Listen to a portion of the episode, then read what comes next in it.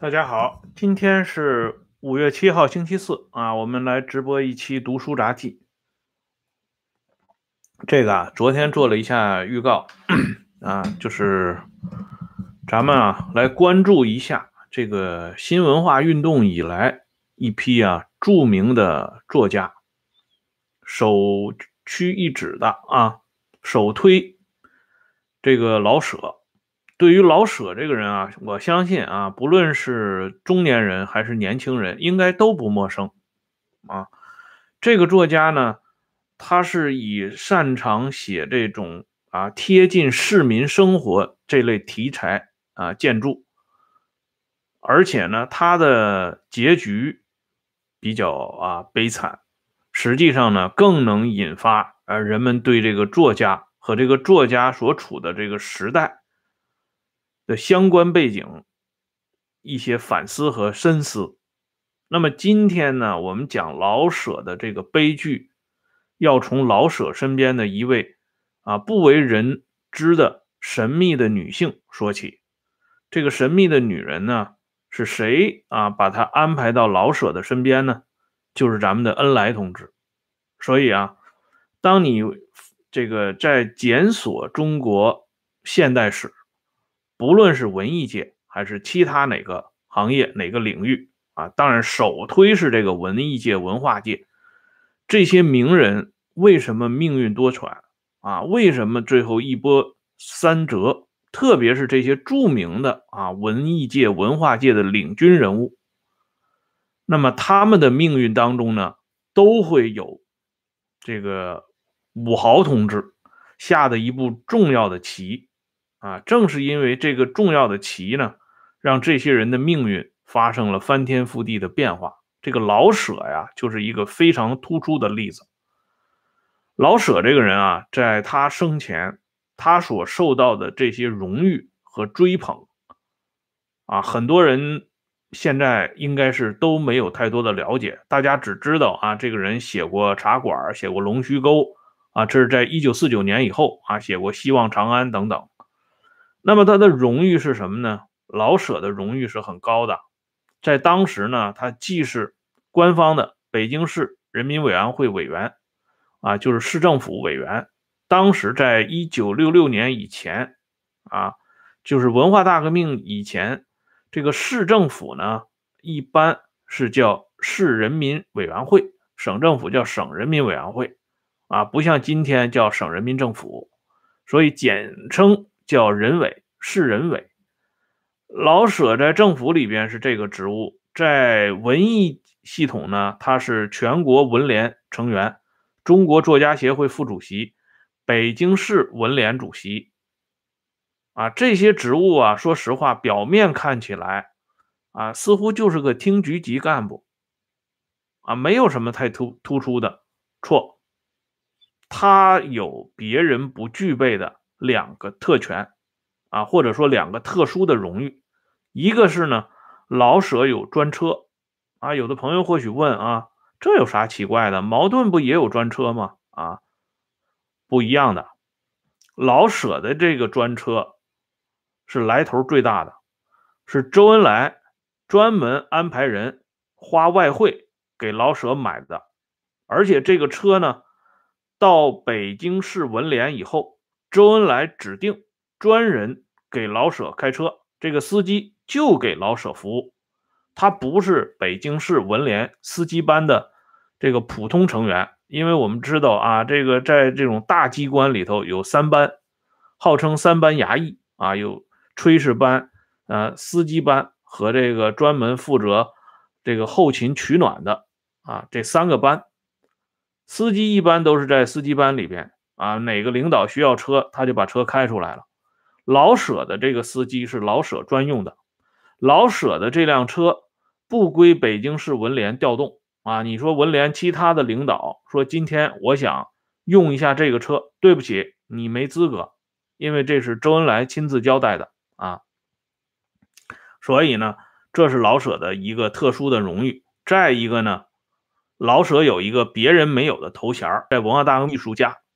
那个年代啊，不像今天，这个家遍地都是什么著名表演艺术家呀，什么啊，这个呃舞舞蹈艺术家啊，这些家都已经泛滥了。啊，随便什么人都可以称家称大师，在那个年代不行，至少在一九六六年以前，那是绝无仅有的。可是呢，只有老舍有这个头衔人民艺术家”，这个称号呢是彭真给他的，因为他写的剧本《龙须沟》，歌颂这个北京市这种改造啊、市容改造等等这些工作的卓越，因此呢，北京市人民委员会决定授予老舍“人民艺术家”的称号，在当时文化界里边，老舍是独一份儿。再有一点呢，这个这两个特殊的荣誉就是公开的，还有一个是不公开的，那就是周恩来经常去老舍家里做客。这个荣誉一般文艺界的，即便是头面人物啊，咱们说这个郭沫若、茅盾，这算是当时文艺界的头头牌了。可是呢，他们也不会经常享受到这种待遇。啊，周恩来去老舍家不用事前打招呼啊，就是随机性的就到了。因此有过一次啊这样的偶遇，就是当时老舍和他的老伴胡杰清两个人正在做这个中午饭吃啊，这饭桌都已经摆上了，周恩来就进屋了。然后周恩来自己啊，人家自己也不拿自己当外人啊，一屁股就坐到床上去了。啊，一起跟人家吃饭，啊，这个老舍一看就慌了，因为事先没有这个一丁点的预告，没有打招呼，这总理就跑过来了，直接跑过来了。那饭桌上的这些饭菜，面对这个总理，那就是太过寒酸啊。他赶紧告诉老伴儿啊，赶紧夹菜。但是胡杰清说呢，这个啊也提前没准备，怎么夹菜啊？啊，这个老舍就说了，赶紧啊，嗯，摊个黄菜，搞个摊黄菜，啊，再炒一个花生花生米啊，总理最喜欢吃花生米。周恩来非常高兴，周恩来告诉胡杰清，这两个菜我都爱吃，有这两个菜就足够了。今天就到你们这儿，就想到你们家来吃一顿中午饭。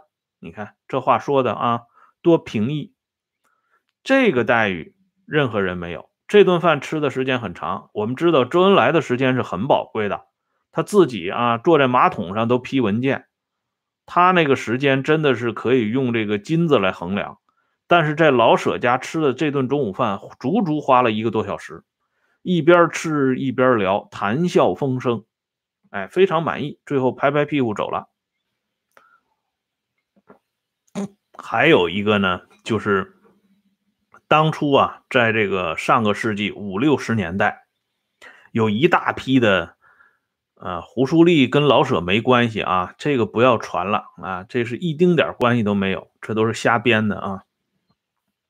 老舍三个女儿一个儿子啊，这个名字都实实在在的摆在那里啊，人也都健健在啊，熟悉北京这个文化界的人也都知道他们都叫什么名字啊。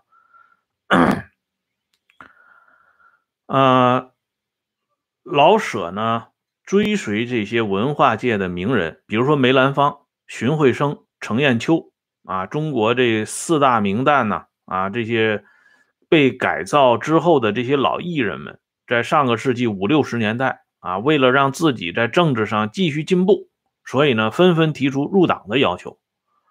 特别是荀慧生他们这些人啊，他们评述。跟老舍的关系就非常近啊！老舍得知这些人要入党的消息之后呢，老舍也是春心萌动啊，他也递交了这个入党申请书啊。你别人递交入党申请书就给自己的上级党组织递就完了，老舍递入党申请书那是周恩来过问的。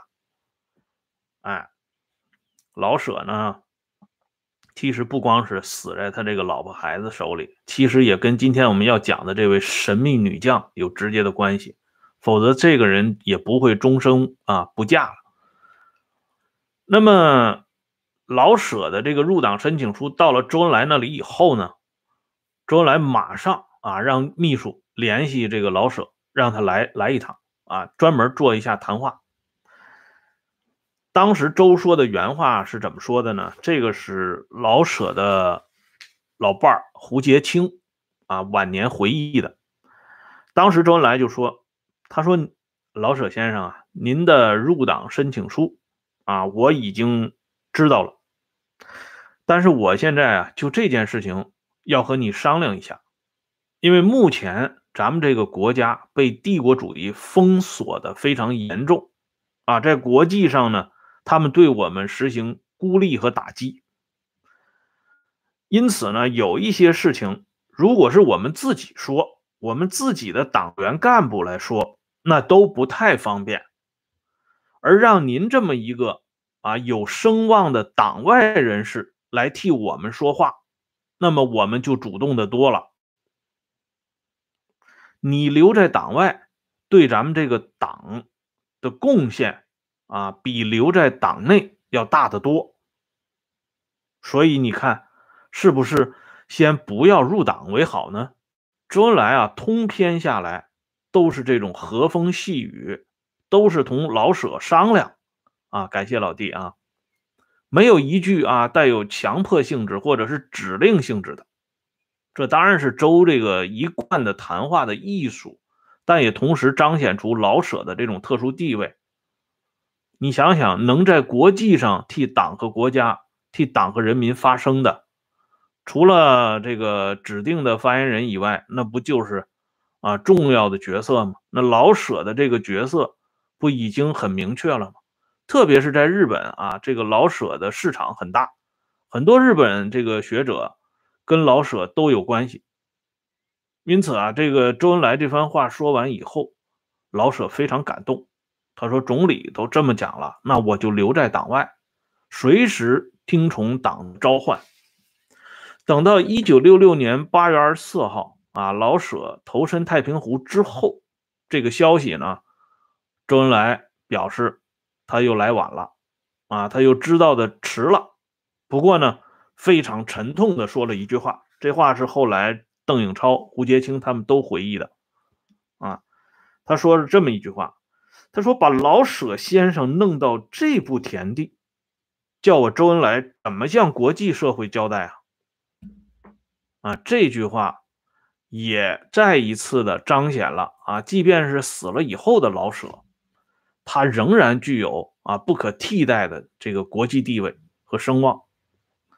一九七五年八月二十四号啊，这个时候的周恩来已经行将就木啊，因为他九月七号就是被最后一次推进手术室啊，做最后的抢救。治疗当然，这个治疗是失败的。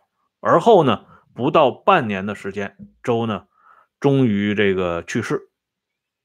就是说，在他啊已经走到人生尽头的前夕，周恩来啊借着这个出去透透风的这个机会，到公园里边，他对身边的保健医生张佐良他们说了一句话。他说：“你们知道今天是什么日子吗？”当时这些人呢就不清楚，说什么日子呢？周恩来说：“今天是老舍先生的忌日。”然后周又问，包括张作良在内的这些工作人员，说：“你们知道老舍先生是怎么死的吗？”啊，这些人当然不敢回答了，说不知道。周恩来说：“我知道。”啊，他就把老舍这个投身太平湖的过程简单的讲了一下。这个人啊，就是说，在周临终前夕，他能够惦记的人那是非常有限的，就这么几个人。可是呢，他能用这么悲痛的表情和神色以及语言传递他对老舍的一种追思。我们不妨想一下啊，在这个党内也有一位重量级人物是享受过周的这种待遇的，那就是贺龙。啊，贺龙的追悼会上，周恩来说过两句啊，让人这个泪奔的话。一句呢是他对着王洪文说，就是说你看看啊，周恩来还能活多久？啊，再一个呢，就是他对薛明他们说的，他的日子啊，薛明和他的孩子们说的啊，他的日子也不长了。最后呢，冲着贺龙的遗像鞠了七个躬。那么，把贺龙和老舍这两个本来并不搭界的人物，在他们身后受到周如此高的礼遇，这件事情联系起来，我们就不由得不想到啊，这个老舍到底是死在谁的手里呢？或者说，他的死跟周恩来难道真的就是那么无辜，那么一点关系都没有吗？否则，周怎么会？啊，挥洒自己非常吝惜的眼泪和这种悲怆的神情呢？啊，这个疑问就是从这个时候开始的。因为周对老舍太好了啊，用伟大领袖的话讲，从来就没有无缘无故的爱，从来也就没有无缘无故的恨。啊，无产阶级就是这样的。那么下下边呢，我们就来看一下周恩来。在历史上，对老舍就不是一般的好。一九三八年，经周恩来拍板决定，让老舍担任当时中华全国文艺界抗敌协会的常务委员兼总务部主任，其实呢就是这个文协的主席啊。当时不设主席这个称呼。而这个中华全国文艺界抗敌协会呢，就是今天的全国文联的前身，啊，是全国文艺或者说左翼文艺工作者的大本营。这是由周恩来、董必武他们一手操持和操纵的这么一个机构。为什么挑老舍来当这个呃实际上的主席呢？就是因为老舍的声望。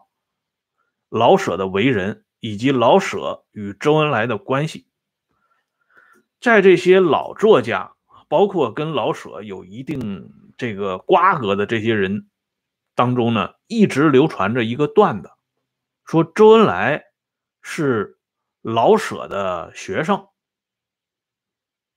啊。这个事情呢，很多人可能还没听说过，但是在老辈的这些文艺界这些人当中，这些老作家。啊，什么邓友梅啊，林金兰呢，赵大年呢？赵大年先生去年过世了啊，八十八岁。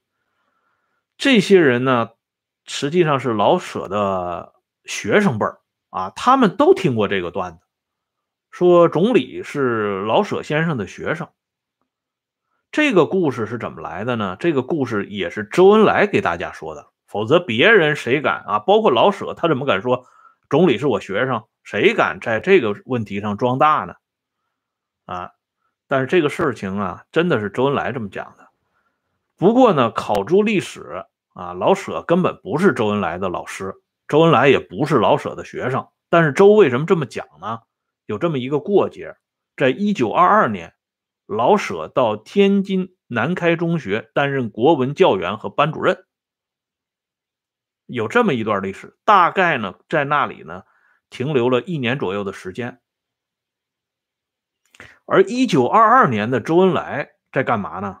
他人在法国巴黎呢，在组建中国社会主义青年团呢，在跟赵世炎他们商量怎么把这个组织变得越来越强大。他已经成为一个所谓的职业革命家了，他怎么能跑到天津南开中学去听老舍讲国文呢？啊，不会的。不过呢，在一九三八年的时候，周恩来亲口对老舍说过：“他说老舍先生是一名很好的老师啊，因为老舍在十九岁的时候就当了高等小学的校长了啊，一直是从事教育工作。然后呢，周恩来就说他是很好的老师，他不仅是啊。”我周恩来的老师也是我们大家的老师，啊，所以后来有的人不了解这段历史，误认为老舍在天津南开中学教的学生里边就包括周恩来，哎，实际上他们没有真正意义上的师生关系，而且周恩来比老舍大一点，周恩来是一八九八年生，老舍是一八九九年生。可见呢，周恩来对老舍的这种关爱之情。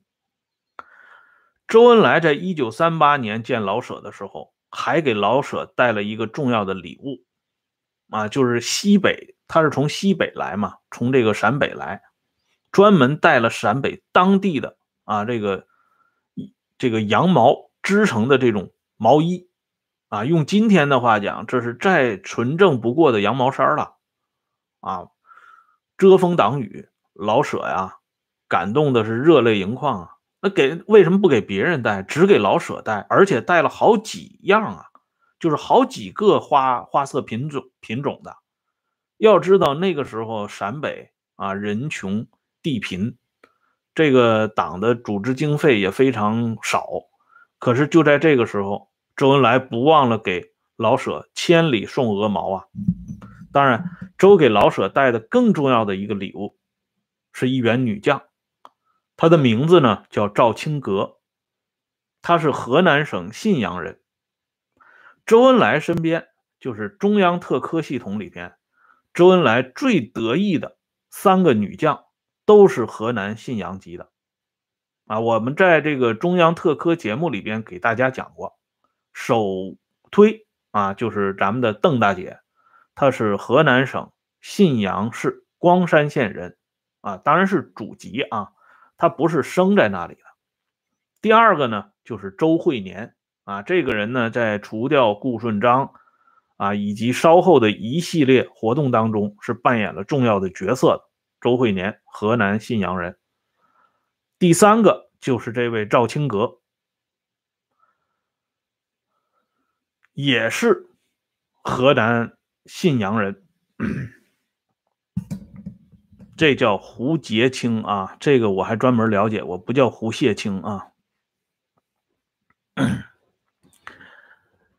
然后呢，这个赵青阁是怎么到老舍身边的呢？赵青阁啊，据我的了解和考证，他是不迟于一九三七年加入中央特科，按照陈养山。就是原来最高人民检察院副检察长，号称后三杰的陈养山，跟熊向晖和申健并称后三杰，以区别于李克农、钱壮飞和胡底的前三杰。陈养山的回忆呢，中央特科结束的时间是一九三五年九月份，但实际上那只是结束了他的最大的一个部分，他的尾巴。一直持续工作到一九三九年，在北平、天津一直有工作，所以以前这个姜伟导演拍过一个电视连续剧叫《借枪》啊，大家想必都看过，张嘉译和张子健主演的《借枪》里边的那个熊阔海，他的身份就是号称中央特科的，这个时间、地点、人物的背景基本是没有错误的。呃，茅盾和梁实秋说过这个人，老弟的记性很好啊。这个茅盾和赵青阁啊关系非常好。赵青阁这个女人啊很有才华啊，大家不妨上网搜一下啊。这个人呢啊字也写的漂亮，画画的也精彩啊。自己甚至说过啊，如果他不是走入到这个写作的这个行当里。仅仅就是作画，他也可以飞升海内外啊！当然，飞升海内外这话不是他自己说的，他的这个画的造诣啊摆在那里的。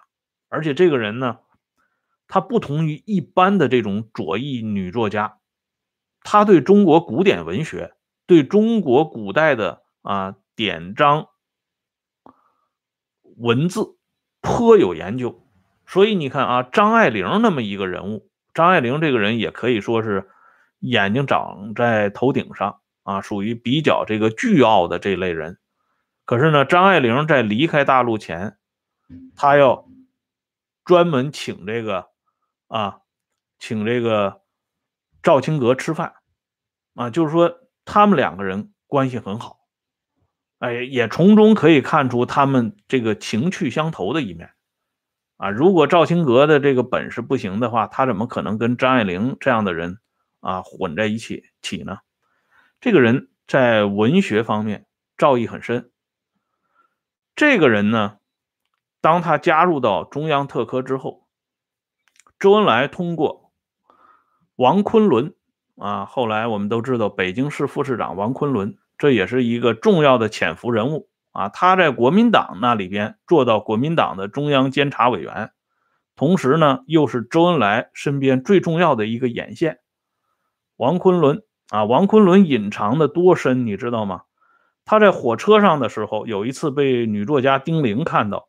丁玲呢，在回忆录里边就说：“他说我马上就避开王昆仑，因为他考虑到王昆仑是国民党的高级官员，所以可见啊，像丁玲他们这些人都被王昆仑表面的这层啊灰色的这个呃掩护色所这个迷惑，以为王昆仑是给共国民党跑腿的。实际上呢，他是周恩来的一个重要的棋子儿。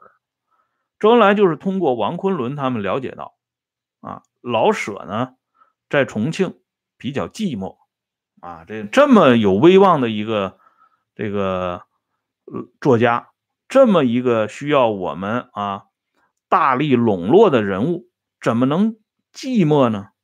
因为老舍呢，一九三一年和胡洁清结婚，他到重庆的时候，胡洁清领着三个孩子呢，还是在北方，没有南下，所以老舍一时呢身边没人。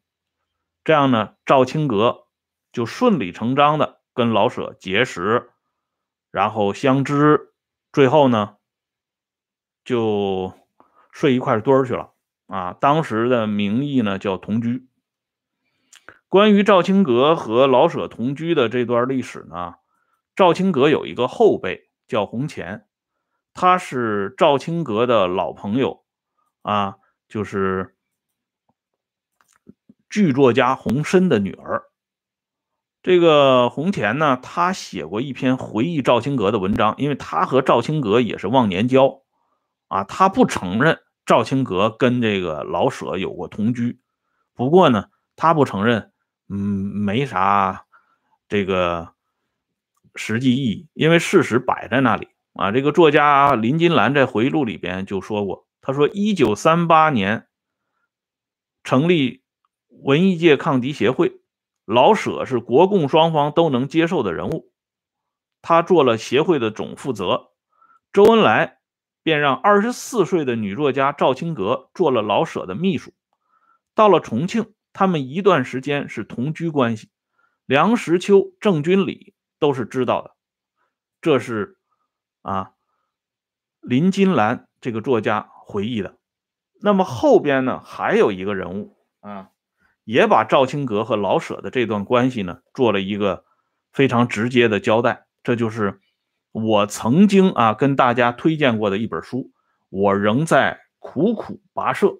牛汉治述，牛汉是著名的胡风分子啊，也是新文学史料的主编之一。他在晚年啊，从事编撰新文学史料这个大型的文学期刊杂志啊，文学史期刊杂志的时候呢。主稿到上海就找到了赵青阁，请他写回忆。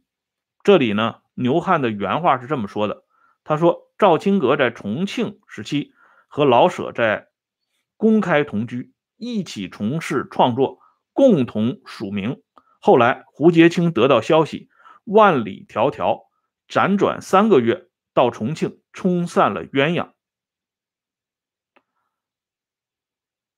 啊，我在一九四三年、一九四四年就知道这个故事。我和啊这个人我就不提了啊，这是他们的工作人员到上海去见赵青阁，问他能不能写点回忆录。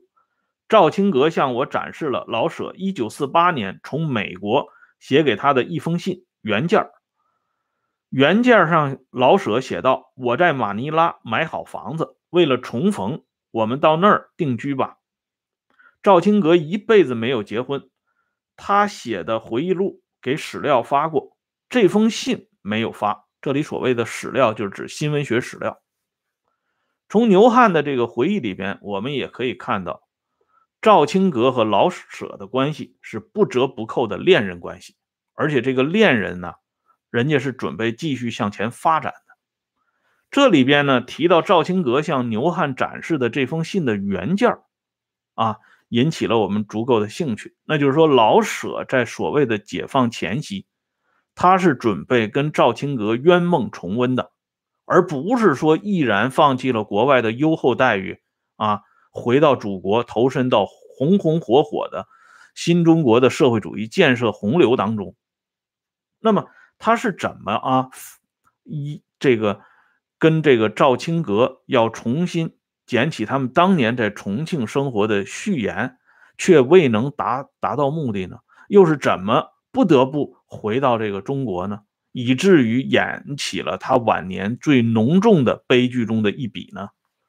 今天的这个时间呢，已经差不多了，咱们安排明天再给大家讲一期老舍的悲剧，以及老舍同这位神秘女将。赵青阁之间的恩恩怨怨、分分合合，好了，谢谢大家上来收看啊，我们明天接着聊，再见。